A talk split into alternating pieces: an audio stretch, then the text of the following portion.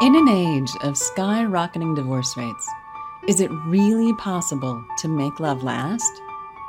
Welcome to the Falling in Love Forever show with doctors Barbara and Michael Grossman, the well known relationship experts and best selling authors of The Marriage Map book. Each week, they share the latest information to help you enjoy your romantic partnerships so you can fall in love forever. Here are your hosts, Doctors Barbara and Michael Grossman. Hi, I'm Dr. Michael Grossman. I'm Dr. Barbara Grossman. We are the authors of The Marriage Map, the road to transforming a marriage from ordeal to adventure. And today we're going to talk to you about why is marriage so complicated? Why is it so difficult? Why is all this complexity occur in marriage? And what you need to do about it to make it uncomplicated and fun like it used to be. So, the thing that you have to be aware of is that you're very different than your partner in different ways and for different reasons. One issue is that men and women are just born differently. A man's brain is different than a woman's brain. Men are born with lots of testosterone, women are born with a lot of estrogen and progesterone. This affects the brain. The brain structure of a man and woman are different. We used to think 20 years ago that, well, it's just all social kind of stuff, that men and women are different just for social reasons. But now we know that it's physiological. A man's brain is separate in the middle. We have a left and right side. They don't talk to each other very much. It's very separate, compartmentalized. And when a man thinks about things, he's very focused on what he's focused on. And he is the way his brain works. A woman's brain is very connected. Left and right sides are very connected. The emotional side is very connected to the analytical side. And this shows up in all kinds of ways that make men and women different. You see women eating in a restaurant, having lunch together, and their talk is random and it just goes from this way to that way and goes in and out of this. And they talk about family, talk about work, talk about sports, talk about news, and different things happen, pop up, and it just doesn't seem to be a logical flow of what they're discussing. You see, the men at the next table, they're sitting together talking, and they have logical discussions about well, let's talk about sports, or now we're going to talk about the news, and now we're going to talk about the economy. And it just flows like that. That's what they do. It's based upon a man and a woman's brain structure. You can't expect your husband or wife to experience and talk and think the way you do. It's not going to happen because your brains are different. You have uh, a newborn baby a boy baby looks at moving objects and just focuses on moving objects, loves moving objects. Girl babies are focused on the face. They just love to focus on your face. And it comes out of the structure of, of the brain is different from newborn babies on. So this is something you have to understand is differently. You can't blame your partner for not being more like you they're not going to be more like you because they're different than you. You've got to get that. It's very important. Well, so um, this is meant to be good news, but when you get to um, when you first get together, usually we accentuate our affinity. That's how we make connection. And depending on how old we are, what part of life we're at, if we're very young in our 20s, we're not as formed. Um, we live in that period of time where our affinities are more accentuated. And then as we define ourselves, we get into more differences. And if our lives are going in the same parallel direction, if we're as partners, if we're both working and uh, work and coming home to relationship or to a family life that someone else is managing, like a nanny or a childcare, then we grow in in a certain um, parallelism, and we can get to a place where we're, we're very defined in our profession. We feel very competent and competent and confident. We feel very individualized and, and self respect becomes very important. And so our differences emerge in that way that we each want respect and we have our opinions and we want what we want. And that's the beginning of, of change in our relationship. And if you don't understand that, it's very easy to take that as um, meaning something terrible about our relationship, when in fact we're just growing and we're defining ourselves more. Now, this, the picture is much different if one of us stays home and has a domestic partner and the other goes to work. That's something that's that's an imbalanced kind of relationship. We're in very different places.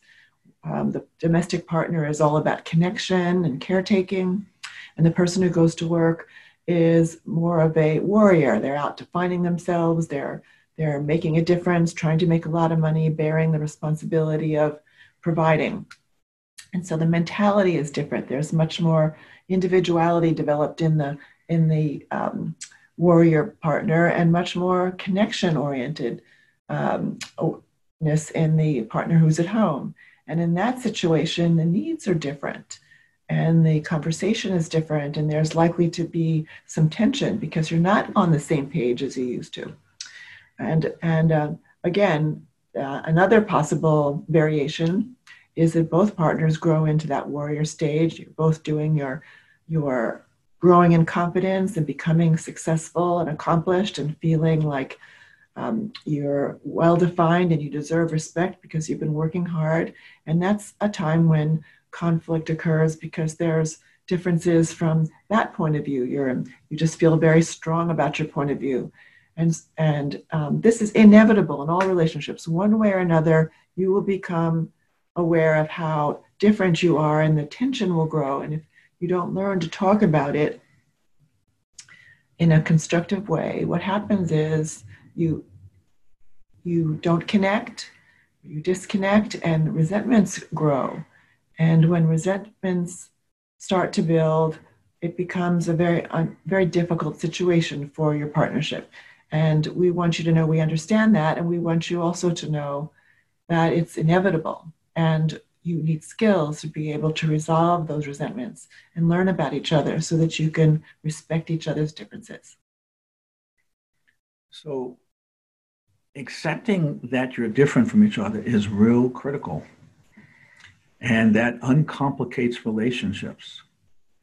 Because then, as Dr. Barbara is suggesting, instead of blaming the other person for being thoughtless and uncaring, you understand that, oh, you have a different way of experiencing the world than I do. Oh, you're not doing it to torture me and be mean. You're doing it because you have your own things going on that are very different than what I have going on. And this idea of sharing with each other in a way that you can have your partner understand that you're so different than they are. And then both of you have to make requests of each other in ways that allow you to feel loved by each other.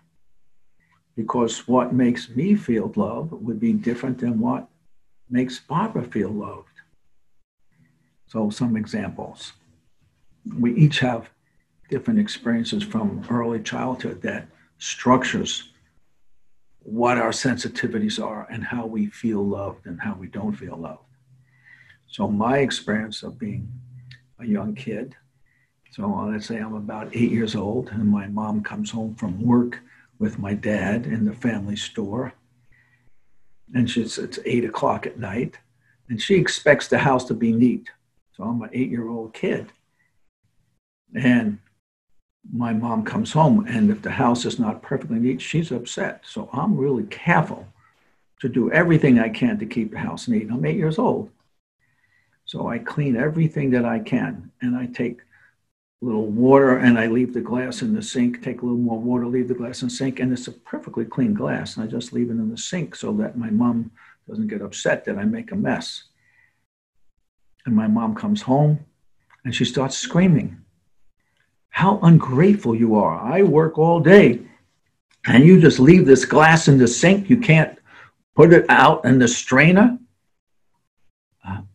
I, I didn't know I was supposed to put in the strain. I thought just this was this was a good way to do it, but I, I didn't know. But she went on screaming how ungrateful I was for about an hour, really loud. and and I felt traumatized emotionally by this kind of event. So when Barbara says gently to me that I didn't do something right that I should know to clean up this or to make put that away or whatever, I feel like I'm being overwhelmingly blamed for something. So Barbara has learned that my request to her is that she should be very gentle when she corrects my behavior because I am really sensitive about that kind of thing. That I'm, I'm willing to try to do things to keep neat and so on, but got to do it in a way that doesn't touch my wound. So that's my the way I am. I'm so different than her. She has different experiences and different traumas. We all have that, and we have to share our traumas with a partner and ask them for behaviors that they can do that that kind of calm that wound. So what is Michael talking about? He's saying his needs may be different, but also his needs may come from a very um, hurtful memory that makes a, a sensitivity just a, a deep, deep um, place that I have to understand and learn how to interact about so that um, so when I want something or I'm trying to talk to Michael, I won't step on that that um, that hurt, that old hurt that um, that has him feeling like he's that eight-year-old boy. We and um, again, we all have that um, those sensitivities, and we need to learn to communicate them. And sometimes we're not even aware they're there until we feel them in adulthood, and we connect the dots, and we realize, oh my gosh, that experience back then really is significant. And it's something that you know i need to to take seriously and, and communicate to my partner this is this is what takes care of me. And if you love me you'll you'll you'll treat me like this way. And that's a deep conversation. Partners need to have about a number of things because we have we all have a number of sensitivities that need to be completely understood. So another thing i had to learn about dr barbara was that she has deep sensitivities about being left out and being abandoned. It comes from early childhood, from when she was two, when she was eight, and different different abandonment experiences that she's had personally. She lost her natural father and lost her grandmother and so on. So when here I am traveling on a trip and going on an airplane for business, and she asked me to call her on the phone because she needs to hear from me. But I'm busy. I don't have time to call on the phone. I'm busy. And those were the days when there wasn't a cell phone. That's right. So it's a big deal to find a phone booth to be able to make a phone call. So I thought she just was doing it to torture me. And it took a while for me to realize no, she's not doing it to torture me. She's doing it because this is her early childhood stuff that went on. And and once I got that, I realized, okay, she's not doing it to torture me. It's because she's had these early things happen. And so I can accommodate her and not think that she's just being mean to me. And there's so many of those things that each of us have. And that's what uncomplicates relationship. When we recognize that men and women are different and they're not going to behave like the other one and don't expect them to think and understand the world the way you do. And they have specific early childhood experiences that you have to learn to accept and then work with each other. So we teach these kind of skills in our Falling in Love Forever marriage class. Four two hour classes transforms your relationship with skills, skills that allow you to stay connected to each other and to feel like the other person cares about you.